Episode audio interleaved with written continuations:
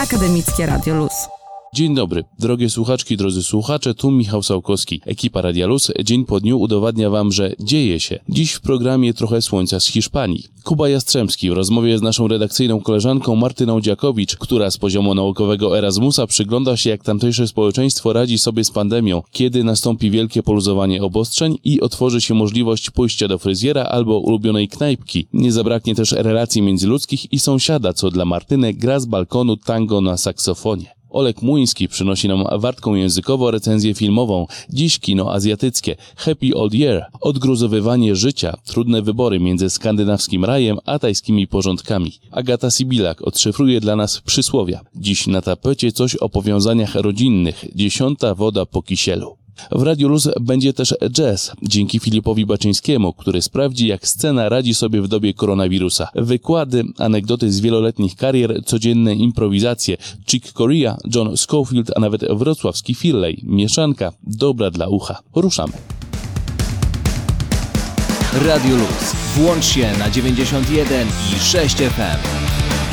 Akademickie Radio Luz z tej strony Jakub Jastrzębski i Martyna Jakowicz, obydwoje z redakcji popularno-naukowej, oczywiście Akademickiego Radia Luz, tylko że ja tworząc home radio od siebie z domu, a Martyna wprost z Hiszpanii na Erasmusie w Centrum Biologii Molekularnej Severo Ochoa. Dla krótkiego wprowadzenia pozwolę sobie wytłumaczyć już z Martyną około chyba miesiąc temu, Martyna, co nie? Cześć, dzień dobry. Tak, to było nawet więcej chyba niż miesiąc temu, bo po 20 marca, także już trochę czasu minęło. Rozmawialiśmy o tym, jak to jest znaleźć się w centrum epidemii na Erasmusie, obcym kraju, jak sobie z tym poradzić. I Martyna natchnęła nas taką pozytywną energią wprost ze słonecznej Hiszpanii, trochę dotkniętą tym, co się dzieje na świecie, ale ciągle się trzymającą. No i umówiliśmy się wtedy na kolejną rozmowę, żeby dowiedzieć się po jakimś czasie, jak to wszystko wygląda, czy jest gorzej, czy lepiej. Więc jesteśmy ponownie. Ja Cię witam bardzo serdecznie. Tak, witamy wszystkich słuchaczy. Dobrze Ci widzieć, dobrze Cię słyszeć. Widzę, że całą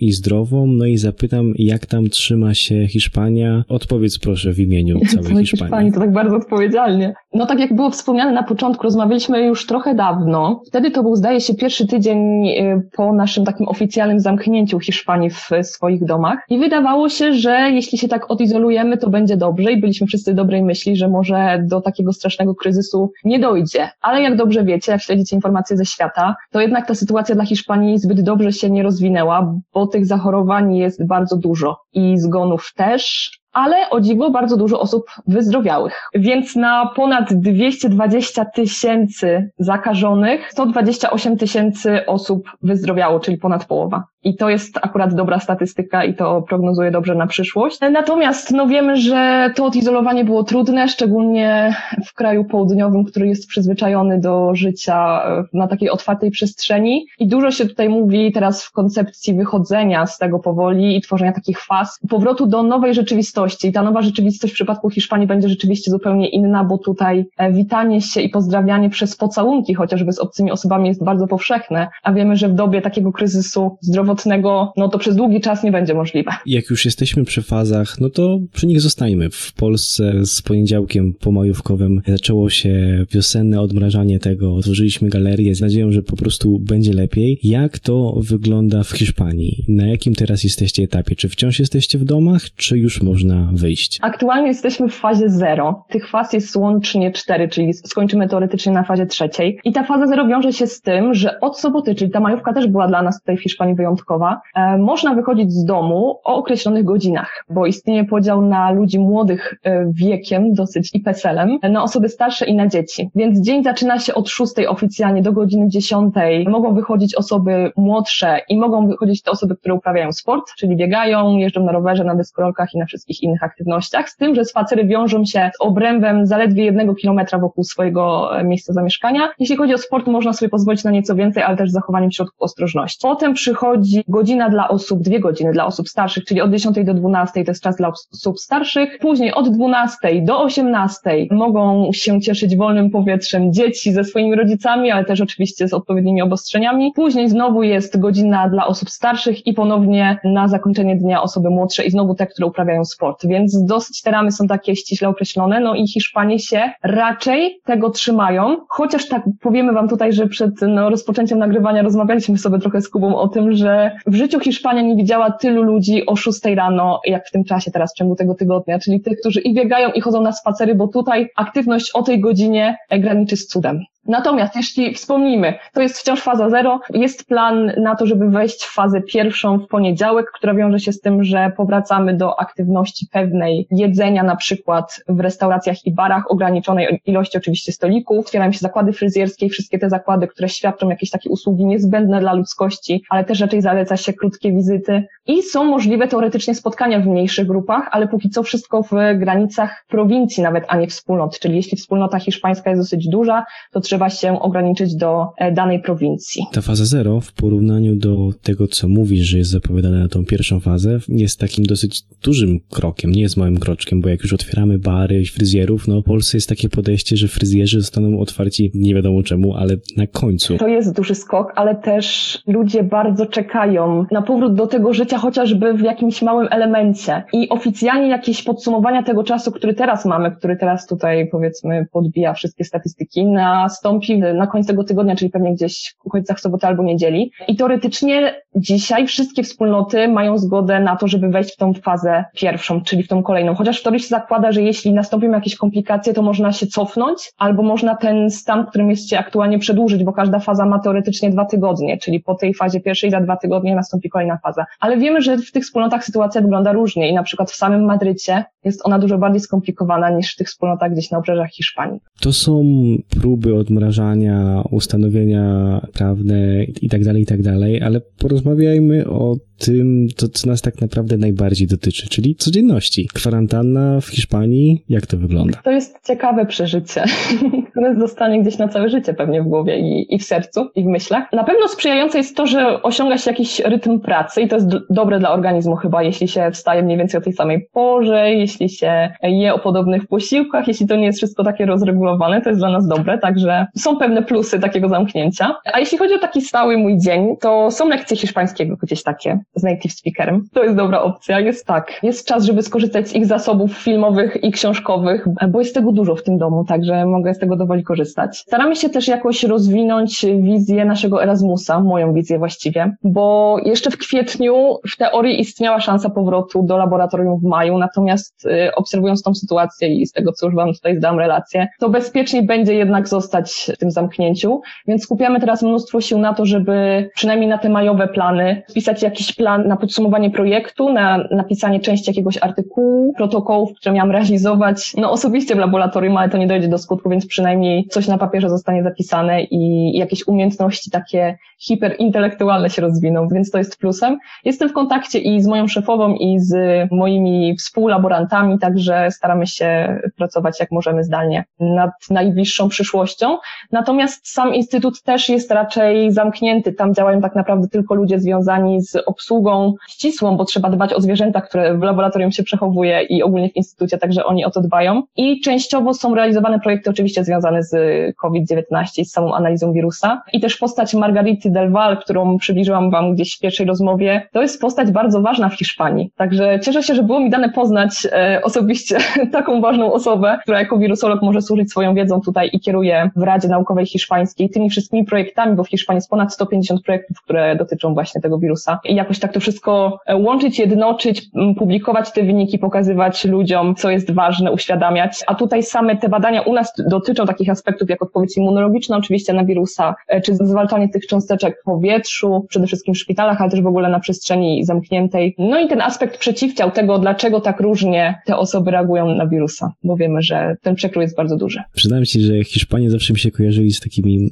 radosnymi i otwartymi ludźmi. No i zgaduję, że na kwarantannie też wiele śmiesznych momentów się zdarza. Oczywiście. Hiszpanie są bardzo muzykalni, więc wykorzystują to jak mogą na wszystkie sposoby. Przede wszystkim grając na gitarach, ale nie tylko, bo na przykład mój sąsiad codziennie umila mi czas grając na saksofonie. Bardzo znany utwór tanga, to jest piosenka Por una cabeza, czyli tango z zapachu kobiety ta scena, gdzie Al Pacino tańczy, myślę, że wszystkim dobrze znana, także gdzieś mniej więcej w okolicy 19-20 codziennie tę przyjemność mam, a dodatkowo dzieci też uczą się gry na skrzypcach, także sobie gdzieś też podgrywają. Ale to dla ciebie jest to tango z zapachu kobiety? No ja tak myślę, że dla mnie. Myślę, że jak nam się uda spotkać tak osobiście, to sobie o tym powiemy. Ale czy to jest okno naprzeciwko, czy okno obok, że musi się wychylić? Nie, to jest sąsiad mieszkający pode mną. No to ciężko się wychylić. To, to ciężko, no troszkę, bo jakby to gdzieś było na wprost, na wprost mam akademiki, które są puste, także niestety nie można sobie pomachać. Ale zawsze możesz zapytać przez to okno. Ale zawsze tak, albo spuścić coś, to jest jakaś opcja.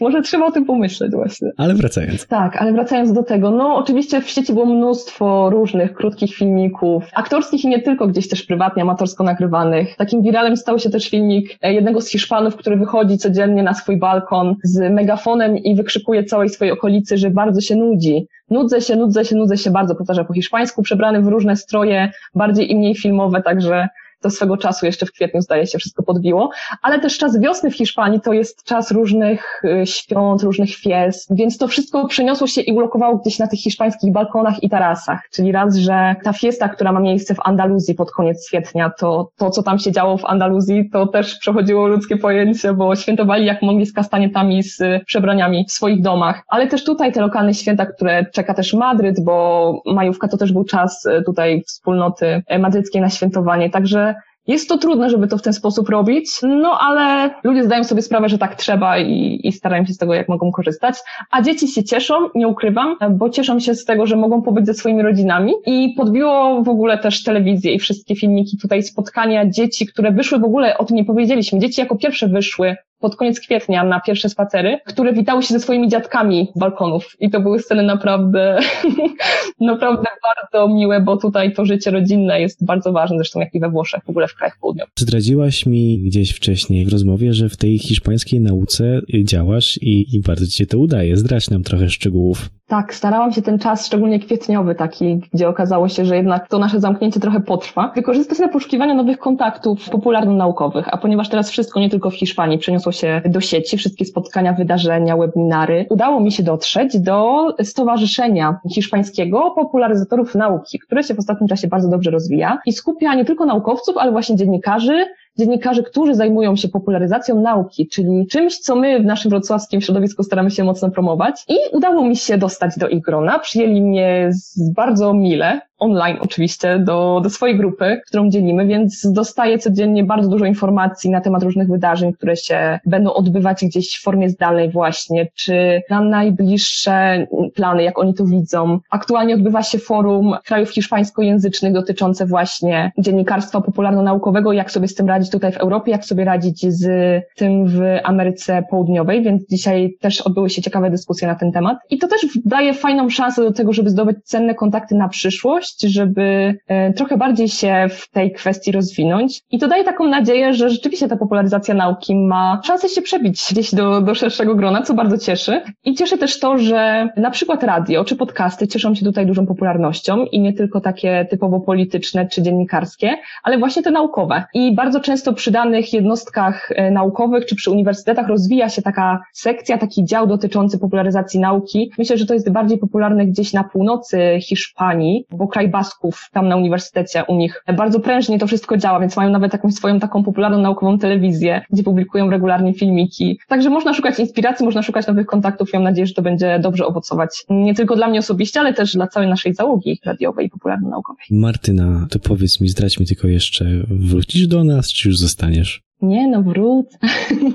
wrócę, oczywiście, że wrócę. Bo tak widzę się, tak zadomowiła się na tej kwarantannie. Wrócę z, z, nowymi doświadczeniami, z tym, żeby się dzielić, żeby działać z chęcią do, do pracy. I tak będzie, no. Co wam mogę zdradzić jeszcze takich smaczków? Zgadnij, Kuba, co było nam najciężej kupić podczas kwarantanny? Bo oczywiście, jak można sobie wyobrazić, staraliśmy się... Papier toaletowy? Nie. Chociaż z tym też bywało różnie, ale nam jego nie zabrakło. O warzywo mi chodzi, które przez miesiąc było praktycznie niedostępne. Warzywo? Gaduję, że coś sprowadzane z zewnątrz. Też, no ale w Hiszpanii dużo, dużo rzeczy rośnie, więc... Właśnie Hiszpania ma dużo swoich No rzeczy. właśnie, no. więc to musiało być coś z zewnątrz, ale co? Nie wiem. Powiem ci, o dziwo nie ziemniaki, chociaż z ziemniakami też nie było łatwo, bo tutaj dużo rzeczy się z ziemniakami robi, ale marchewka. Przez miesiąc nie udało nam się kupić marchewki. W ogóle jak robiliśmy zamówienia e, właśnie artykułów spożywczych, to zazwyczaj przybywały do nas w połowie objętości.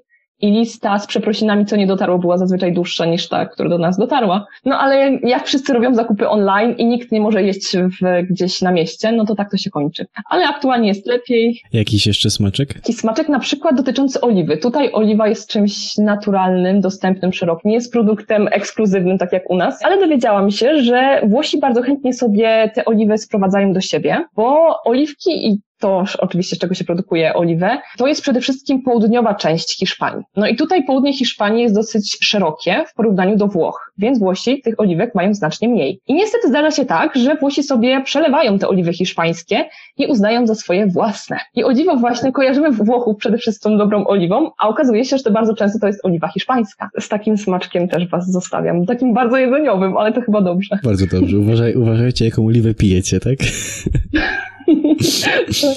A oprócz smaczków, bo zgaduję, że u ciebie ciepło i to bardzo nawet. Tak, tydzień bardzo ciepły. Więc poprosimy o trochę słońca z Hiszpanii. Powiem wam, że przyjdzie lato też i do Polski, bo wiem, że temperatury was nie rozpieszczają obecnie, ale będzie lepiej. Tutaj jest bardzo ciepło i przekazuje wam to słońce mm, mentalnie, słowem, uściskiem, takim bardzo wirtualnym. I życzę wam dobrego nastawienia, bo wiem, że kryzysy dopadają każdą osobę, ale na pewno, na pewno to słońce wyjdzie w końcu. I to dobre słowo od Martyny Dziakowicz z redakcji popularno-naukowej Akademickiej Radia Luz, która aktualnie jest na Erasmusowej kwarantannie w Hiszpanii. Bardzo Ci Martyna dziękuję i mam nadzieję, że no co, możemy tutaj się umówić na kolejną rozmowę za jakiś czas, jak to się wszystko u Was Tak, myślę, że tak, że uzbieram nowych. Albo mam nadzieję, że już na żywo. I się dowiemy, czy ten Hiszpan to faktycznie grał dla ciebie, czy Dobra, może nie. dobra.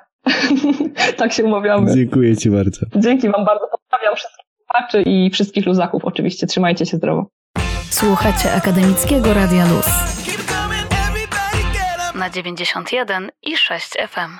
W trakcie kwarantanny możemy się czuć jak Kubuś Puchatek skrobiący drewnianą łyżką pod dnie garnuszka z miodem. Okazji do nadrabiania zaległości na platformach streamingowych mieliśmy już aż za dużo. Mimo to, katalogi takich stron bogate są również w bardzo niszowe pozycje, którym postanowiłem się w kilku recenzjach przyjrzeć. Nawapol Tamron Gratanarit, oprócz najdłuższego nazwiska w branży filmowej, może poszczycić się sporym zainteresowaniem kinomaniaków na całym świecie. W Polsce wszyscy fani festiwalu filmowego Pięć Smaków z pewnością go kojarzą. Happy Old Year, czyli najnowsza produkcja tego młodego tajskiego reżysera, trafiła właśnie na Netflixa. Premiera zgrała się z czasami wiosennych porządków w Polsce i z pewnością może przez to z wieloma widzami zarezonować. Główna bohaterka, Jean, wraca bowiem do Tajlandii ze Sztokholmu, w którym przez kilka lat mieszkała. W Szwecji poznała się z Ikeą i designerskim minimalizmem, który zawładnął jej życiem. Jean stwierdza na początku filmu, że w minimalizmie, tak jak w buddyzmie, chodzi o odpuszczanie i godzenie się z przemijaniem. Gdy wraca do rodzinnego domu w Tajlandii, postanawia go w myśl minimalistycznych postulatów wysprzątać. A roboty przed nią sporo, bo rodzinne gniazdo jest zagracone tak, że ciśnienie każdej perfekcyjnej pani domu skoczyłoby na jego widok do 160.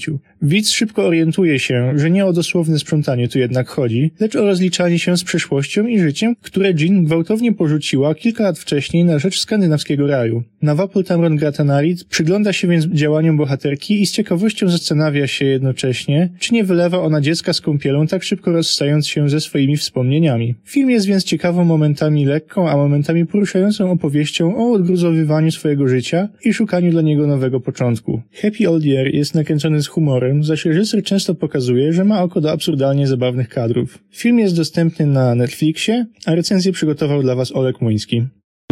Radio Luz 91 i 6 FM. Język polski to skarbnica powiedzeń i przysłów. Czy dobrze je znamy? Czy używając ich zawsze wiemy o czym mówimy? Dziś o dziesiątej wodzie po kisielu. Zapraszam. Agata Sibilak. Dziesiąta woda po kisielu oznacza bardzo dalekie, trudne do udowodnienia pokrewieństwo. Znaczenie wiąże się z popłuczynami po naczyniu, w którym był kiedyś kisiel. Substancja ta jest rzadka i wodnista, co za tym idzie, popłuczyny po nim są raczej mdłe i mało treściwe. Czasami określenie to ma charakter pejoratywny, w innych sytuacjach wymawiany jest lekceważąco. Właśnie tego frazeologizmu użył m.in. Adam Mickiewicz w Panu Tadeuszu pisząc Z jakim prawem do zamku? Wszak wiesz, przyjacielu, on choreszką dziesiąta woda na kisielu. Akademickie Radio Luz. Jazz jest sztuką żywą, sztuką, która wymaga bezpośredniego kontaktu ze słuchaczem, sztuką, która zawsze będzie brzmiała inaczej. Co jednak stanie się, kiedy odbierzemy jazzmenom możliwość ekspresji bezpośrednio przed słuchaczem? Co stanie się, kiedy ensemble zostaną rozdzielone? Tych kilka ostatnich tygodni pokazało nam, że artyści różnych dyscyplin na wszelkie sposoby starają się dotrzeć do odbiorców. Pokazać, że wciąż dzieje się w ich twórczym życiu. Dzieje się również w jazzie. Już od samego początku izolacji najwięksi jazzmeni nie próżnują. Chick Corea niemal codziennie w marcu i kwietniu występował solo w swoich social media. Za każdym razem przygotowywał inny zestaw nut, który udostępniał widzom, a następnie dekonstruował na fortepianie. Te występy przeważnie sięgały dwudziestu kilku minut i zawsze były okraszone anegdotami z niemal 60-letniej już kariery. W pewnym sensie codziennie mogliśmy cofać się do jazztopadu sprzed dwóch lat, kiedy Chick Corea we właśnie tej formie wystąpił na deskach NFM. Kolejna z legend, czyli gitarzysta John Scofield, nagrał godzinny koncert z triem medeskim Martin and Murphy pod szyldem Bandemic. Muzycy podkreślili, że w studiu zachowywali od siebie odpowiedni odstęp, a sam Scofield całą godzinę grał w maseczce ochronnej, przez którą okazjonalnie śpiewał i odzywał się do wirtualnej publiczności.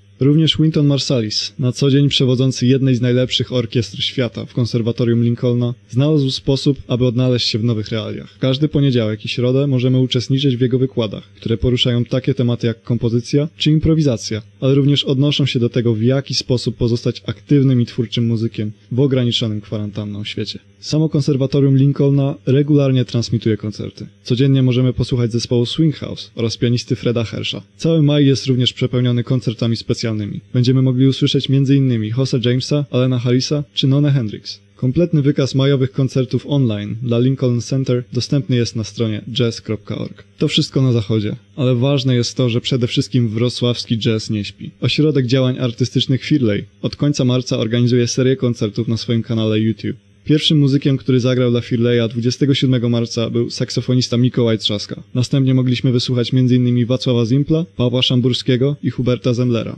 Firley przewiduje koncerty online przynajmniej do początku lipca i zapowiedział już występy takich artystów jak Piotr Damasiewicz i Patryk Zakrocki. W czerwcu usłyszymy również jedną drugą wrocławskiego kwartetu Ślina w osobach saksofonistki Matyldy Gerber i gitarzysty Filipa Zakrzewskiego.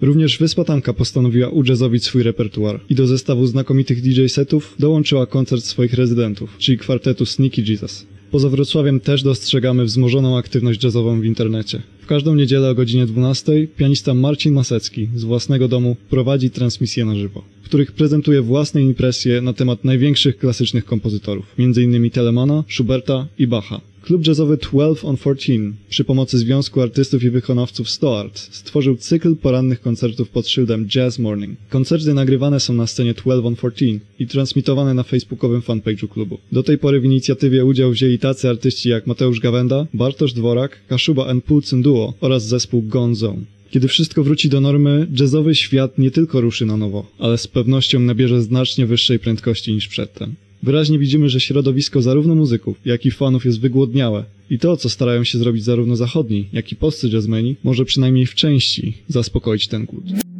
Akademickie Radio Luz.